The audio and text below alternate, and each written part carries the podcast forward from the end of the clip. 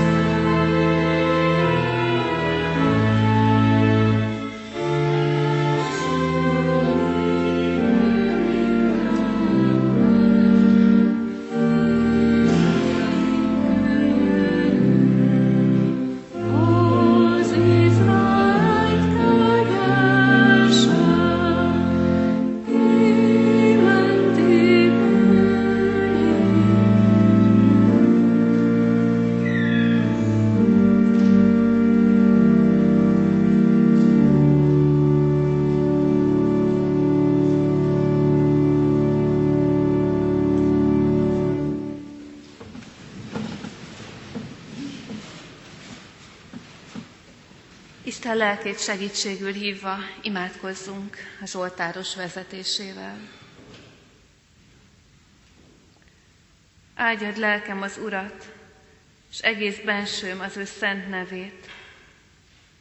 Áldjad lelkem az Urat, és ne feledd el, mennyi jót tett veled.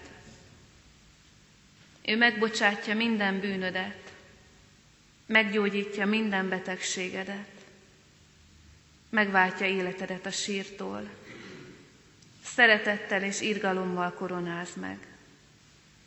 Betölti javaival életedet, megújul ifjúságod, mint a sasé. Minden elnyomottal törvényesen és igazságosan bánik az Úr. Megismertette útjait Mózessel, cselekedeteit Izrael fiaival. Irgalmas és kegyelmes az Úr, türelme hosszú, szeretete nagy. Nem perel mindvégig, nem tart haragja örökké. Nem védkeink szerint bánik velünk, nem bűneink szerint fizet nekünk. Mert amilyen magasan van az ég a föld fölött, olyan nagy a szeretete az Isten félők iránt. Amilyen messze van napkelet napnyugattól, olyan messzire veti el védkeinket. Amilyen irgalmas az apa fiaihoz, olyan irgalmas az Úr az Isten félőkhöz. Az Úr a mennyben állította fel trónját, királyi hatalmával mindenen uralkodik. Hát áldjátok az Urat, angyalai, ti hatalmas erejűek, akik teljesítitek parancsát. Áldjátok az Urat, ti seregei, szolgái, akaratának végrehajtói. Áldjátok az Urat, ti teremtményei mindenütt, ahol uralkodik. Áldjad lelkem az Urat. Amen.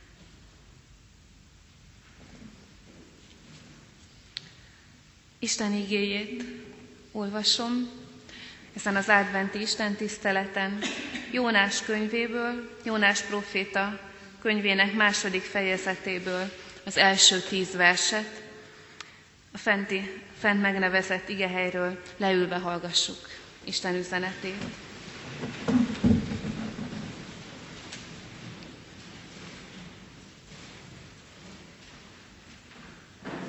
Az úr azonban odarendelt egy nagy halat, és az lenyelte Jónást. Három nap és három éjjel volt Jónás a halgyomrában. Jónás imádkozott Istenéhez az Úrhoz a halgyomrában. Ezt mondta. Nyomorúságomban az Úrhoz kiáltottam, és ő meghallgatott engem. A halál torkából kiáltottam segítségért, és te meghallottad hangomat. Mélységbe dobtál, a tenger közepébe, és áradat vett körül. Minden habod és hullámot átcsapott fölöttem. Azt gondoltam, hogy eltaszítottál engem magad elől. Bár csak újra megláthatnám szent templomodat. Már-már életemet fenyegette a víz, mélység és örvény vett körül, kínál fonódott a fejemre, Lesüllyedtem a hegyek alapjáig, örökre bezárult mögöttem a föld, de te kiemelted életemet a sírból, ó Uram, Istenem. Amikor elcsüggett a lelkem, az Úrra gondoltam, és imádságom eljutott hozzád szent templomodba. Akik hitvány bálványokhoz ragaszkodnak, azok elhagyják jótevőjüket de én hálaéneket zengve áldozok neked, és amit megfogadtam, teljesítem. Az Úrtól jön a szabadulás. Amen.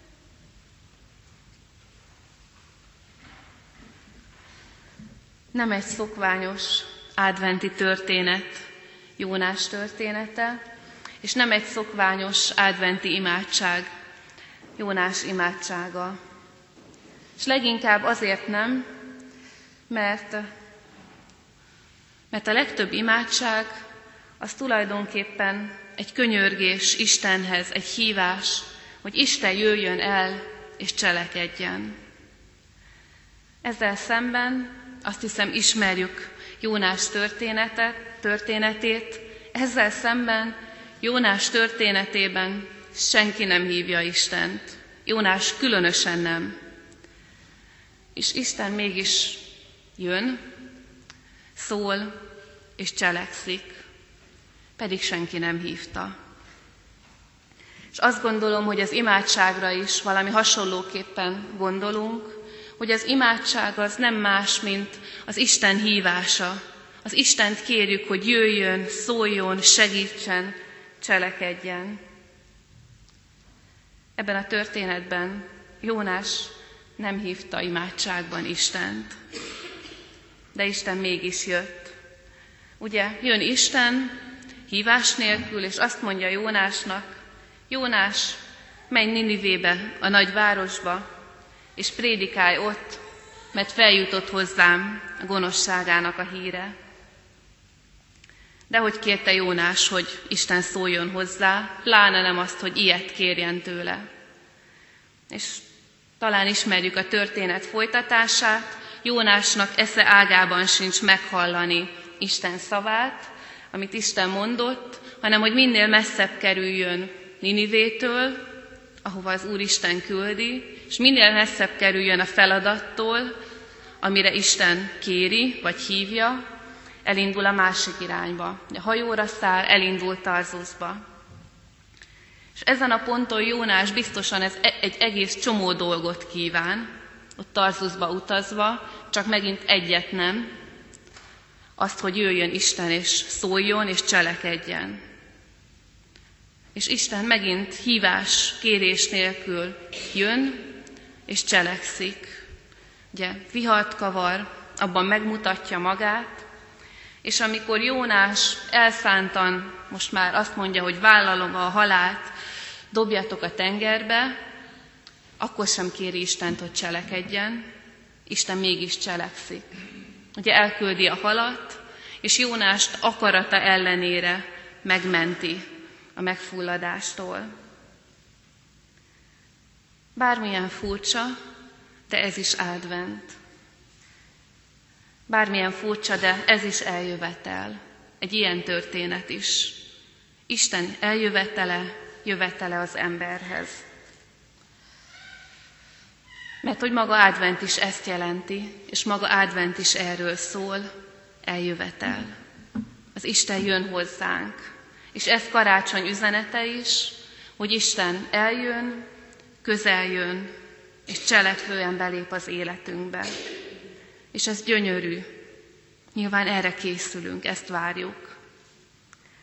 Viszont Jónás történetéből látjuk, hogy vannak olyan történetek, és szerintem nekünk is vannak olyan történeteink, amikor Isten jön, pedig nem hívtuk. Pedig jobban szeretnénk, ha Isten maradna ott, ahol van. Valószínűleg többünknek vannak ilyen jónási élményei, hogy tulajdonképpen jól megvoltunk a magunk helyén, a magunk dolgaival, és aztán egyszer csak jön Isten és szól, és hív valamerre. És nem igen lehet félre magyarázni ezt a hívást, mert egyértelmű, hogy nekünk szól, és egyértelmű, hogy nem könnyű. Isten jön, és fölforgat mindent. Ez is advent, ez is Isten eljövetele hozzánk, csak ez nem olyan, amit megelőz imádság, meg gyertyafény. Ez Isten döntése az egyetlen, ami ezt megelőzi. Ilyenkor hol van, és ilyenkor hol lehet a mi részünk, hol lehet az imádság, nyilván a válaszban. Mit teszünk, amikor Isten jön, pedig nem hívtuk, cselekszik, pedig nem kértük rá? Nyilván befoghatjuk a fülünket, mint Jónás. Nyilván mehetünk nyílegyenesen az ellenkező irányban, ahogy, irányba, ahogy ő is tette, és azt gondolom legtöbbünknek ez az első reakciója, amikor Isten meglepetésszerűen jön és szól és hív valamire.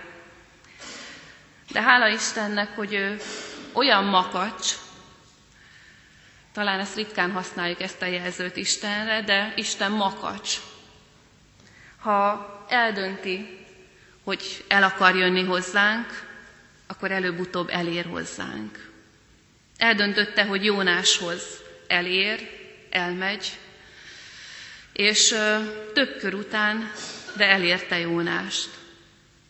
Ahogy a Zsoltáros mondja, így vagyunk mi is, hogyha Isten eldönti, hogy jönni akar hozzánk, hogy csak azt mondhatjuk, hogy Uram, ha a mennybe szállnék, te ott vagy. Ha a holtak hazájába, te ott is ott vagy. Ha a hajnal szárnyaira kelnék, és a tenger túlsó végén laknék, kezed ott is elérne. Jobbod ott is megragadna engem. És jó, hogy Isten időnként olyankor és úgy is jön hozzánk, amikor és ahogyan mi azt nem szeretnénk és nem kértük. Mert hogy ez is a javunkra van. Talán nem, nem tetszik először, de ez is a javunkra van. Én nagyon szeretem az adventi időszakot.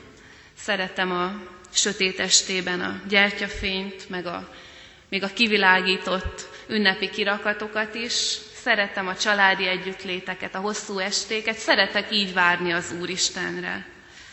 De ettől még kérdés marad, hogy mi csak az előre elkészített adventeknek adunk helyet az életünkbe, azaz azt mondjuk, hogy karácsonykor Isten jöhet, mondhat nekünk egy szívet melengető üzenetet Jézus megszületéséről, vagy megadjuk Istennek azt a szabadságot, hogyha ő eldönti, akkor jöhet az életünkbe bármikor és bárhogyan. És mi előbb-utóbb készé válunk arra, hogy fogadjuk őt. Megadjuk-e Istennek ezt a szabadságot, hogy jöjjön, amikor jönni akar, és úgy, ahogy igen, úgy, ahogyan ő akarja. És ha igen, akkor a természetes válaszunk erre, Isten eljövetelére az imádság. És ha már imádság, akkor nézzük meg Jónás imádságát. Mert igaz, hogy a sötétben, a mélységben, az egyedüllétben, büdösben született ez az imádság, de valószínűleg Jónás profétának, Isten emberének az egyik legnagyobb és legmélyebb, legigazabb imádsága. Ahogy valószínűleg mindannyiunknak a legnagyobb és legigazabb imádságai a mélységben, a sötétben, szó szerint vagy áttitt értelemben a büdös, nem szeretem helyeken születnek meg. A múlt héten egy lelkész csendes héten vettem részt, és az első este összegyűltünk megismerkedni, és megosztottuk, hogy ki miért jön így advent előtt még egy négy napos csendességre. És az egyik kollégám azt mondta, hogy nekem már volt egy nagy csendességem az Úristennel, ez egy nagy betegség volt, amikor hónapokon keresztül ki voltam zárva az életből, ágyban fekvő voltam. Ez volt az én nagy csendességem Istennel, mondja, és hozzáteszi, a mai napig ebből élek. A mai napig ebből élek, amit ott Istentől kaptam. És azt mondta, hogy úgyhogy most eldöntöttem, hogy most én megyek Isten elé, és most én kérek tőle találkozót. Hát nézzük meg, hogy Jónásnak ez a kényszerű, de termékeny magányában az imádsága milyen üzenetet hozhat nekünk, és hogyan erősítheti a mi imádságainkat. Ami már első olvasásra vagy hallásra is feltűnhet, az az, hogy ez nem egy eredeti imádság. Ha megnézzük Jónás imáját, vagy megnézzük a Biblia széljegyzeteit, azt látjuk, hogy ennek az imádságnak minden mondatát megtaláljuk a Zsoltárok könyvében, itt vagy ott. És ez meglepő lehet, hogy egy ilyen tényleg extrém helyzetben Jónás nem a saját szavaival imádkozik, hogy egy kötött imát mond, azt hiszem sokszor lebecsüljük a kötött imádságot. Ha egy lelkész kötött imádságot mond rendszeresen a szószéken, önként elől megfordul bennünk, hogy mi van, nem tud a saját szavaival imádkozni. És én azt hiszem, hogy Jónás mégis a saját szavaival imádkozik, a Zsoltárral, amelyek valamikor korábban már a sajátjaivá váltak. Mert valószínűleg Jónás ezeket a zsoltárokat sokszor elimádkozta már, és sokszor váltak igaz imádsággá a száján. És talán nem csak elimádkozta őket, lehet, hogy fejből is megtanulta őket. Lehet, hogy megtanították rá, lehet, hogy ő akarta megtanulni őket. De ezek a Zsoltár versek, ezek az ima mondatok ott vannak Jónásban, készen arra, hogy amikor belezuhan a sötétségbe, a félelembe, a magányba, akkor azok föltörjenek hoz Istenhez imádságként. Vannak-e nekünk ilyen előre elkészített Zsoltár, vagy bármilyen imádságaink, amik abban a helyzetben, amikor egy hang se jön ki a torkunkon, amikor nem tudunk imádkozni, mert, mert olyan mélyen vagyunk, vagy olyan sötét van, föltörnek maguktól. A mai pedagógia egyre kevésbé használja a memoritereket. Alig tanítunk meg gyerekekkel szó szerint bármit. És arra pedig végképp nem hagyunk időt, hogy, hogy a gyermek sajátja legyen, amit megtanult. Így az egyik megtanult dolog kilöki a követke, dolgot kilöki a következő. De hadd mondjam, hogy ne tegyünk így az imádságokkal, ne tegyünk így a gyerekeink aranymondásaival. Inkább tanuljunk meg keveset, de azt tudjuk, az legyen a miénk. A saját nagyszüleimen, de sok idősön látom, hogy micsoda kincs mindaz nekik, amit gyerekkorukban megtanultak, az övék, egy versrészlet, egy ige, és amiben bele lehet 90 fölött is kapaszkodni, mert, mert az még megvan. Annyi minden kihullik, de az még megvan. Nem tudok magamtól imádkozni, de följön az a régen megtanult imádság. Lehet így belekapaszkodni sokszor elmondott, elimádkozott, vagy akár tudatosan megtanult Zsoltár részletekbe, igékbe, hogy aztán majd a krízisekben, vagy az időskor nehezeiben ezek segítségünkre legyenek az imádságban. Nem tudom, hogy igaz-e, vagy csak ilyen egyháztörténeti anekdóta, de miért ne lehetne igaz, hogy a, állítólag a gályarab prédikátor őseink, ugye azokat, akiket az ellenreformáció idején el, elhulcoltak itáliai gályákra, együtt összetudták rakni az egész új szövetséget. Tudták. És a nehézben, a kimondhatatlanul nehéz időkben volt miből meríteni. Vannak-e nekünk ilyen igéink, amik megvannak itt és megvannak itt, és amiből lehet meríteni a sötétben és a mélységben. Dietrich Bonhoefferről olvastam egy második világháborúban meghalt lelkipásztorról, hogy ő teológusokat is tanított egy időben, és a szemináriumban kötelezővé tette a teológus hallgatóknak, hogy minden reggel egy fél órát gondolkozzanak, imádkozzanak egy igerész fölött. Ez azért tudjuk, hogyha fél órát ülünk egy igerész fölött, az elég hosszú is tud lenni. És ráadásul azt is kötelezővé tette, hogy egy héten keresztül ugyana fölött az, ima- az ige fölött imádkozzanak. És persze lelkes és vehemens teológus hallgatók sokan ki is kérték maguknak ezt az időpazarlást, akkor legalább már több igét, vagy másként.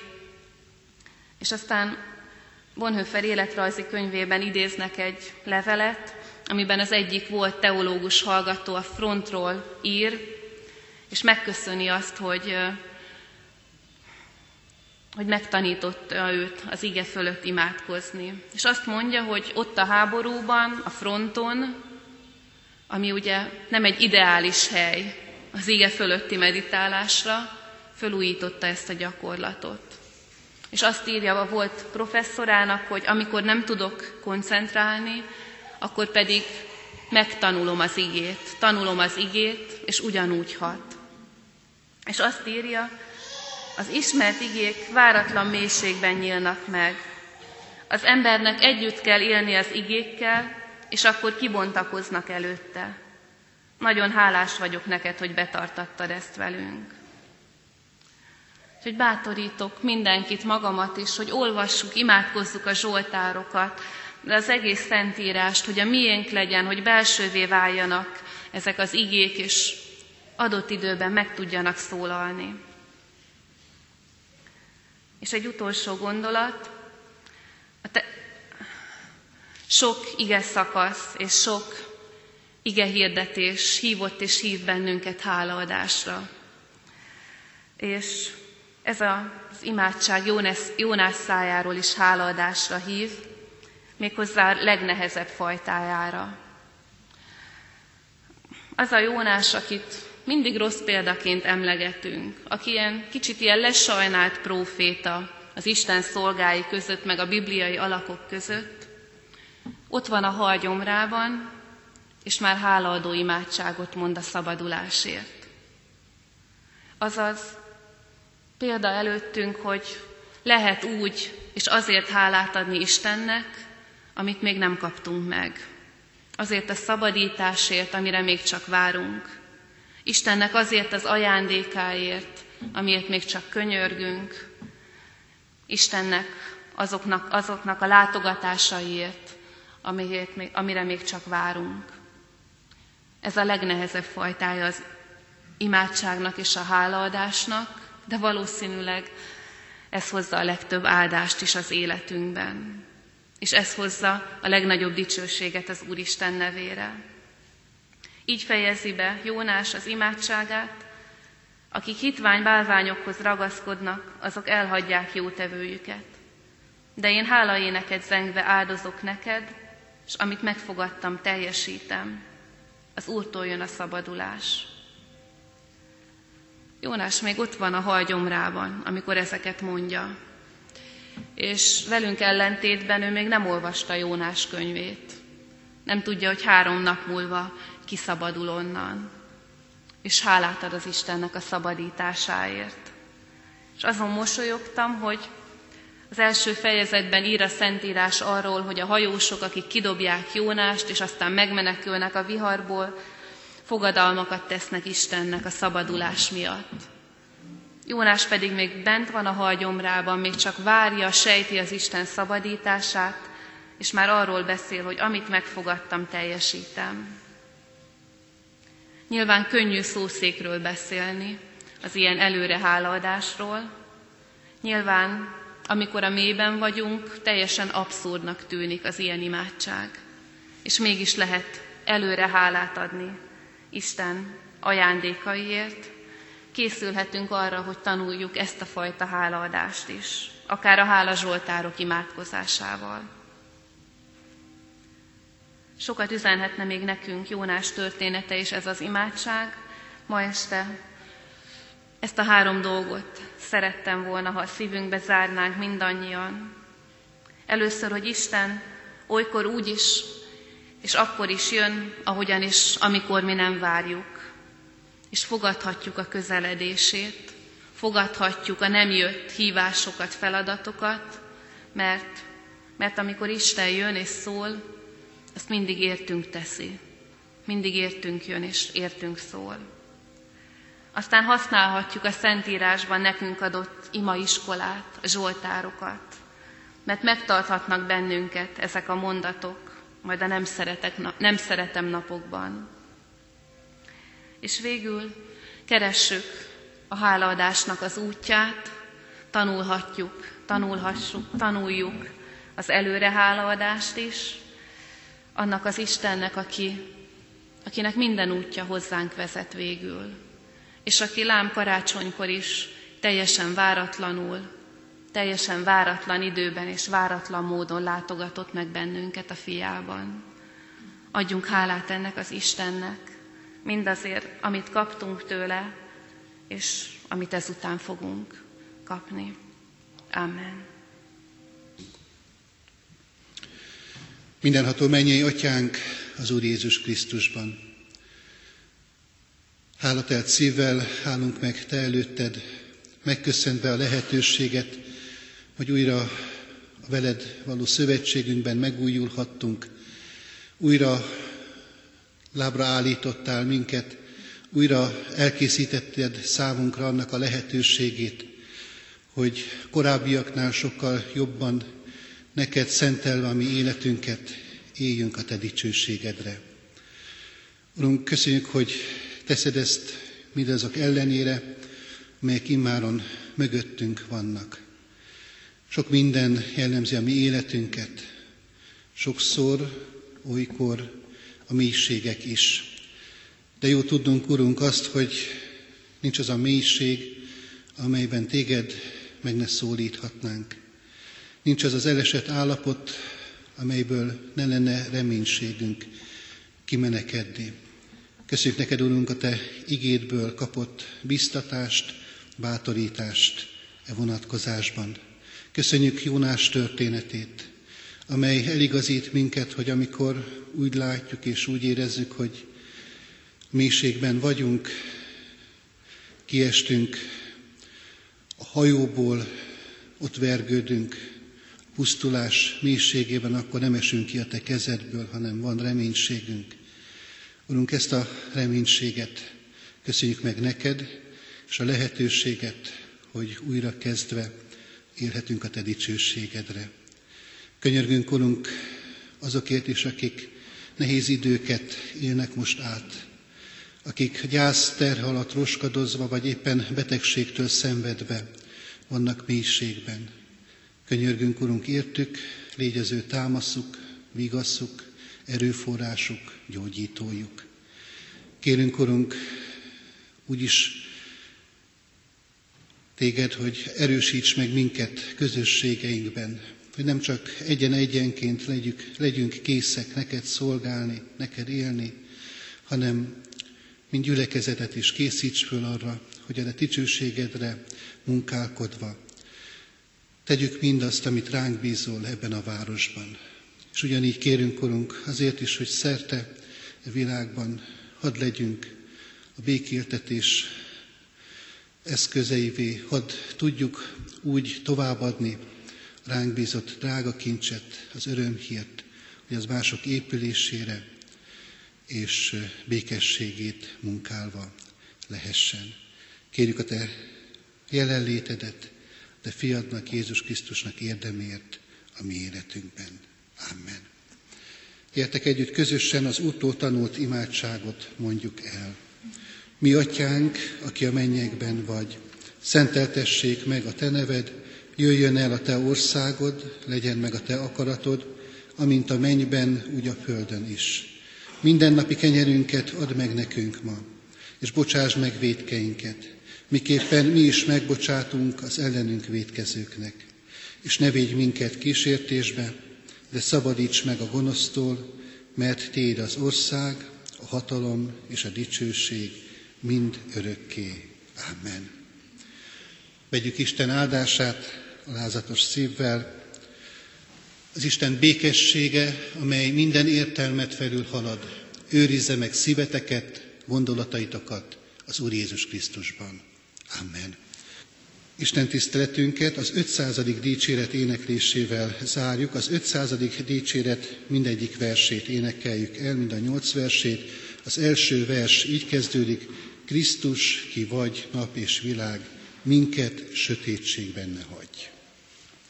thank you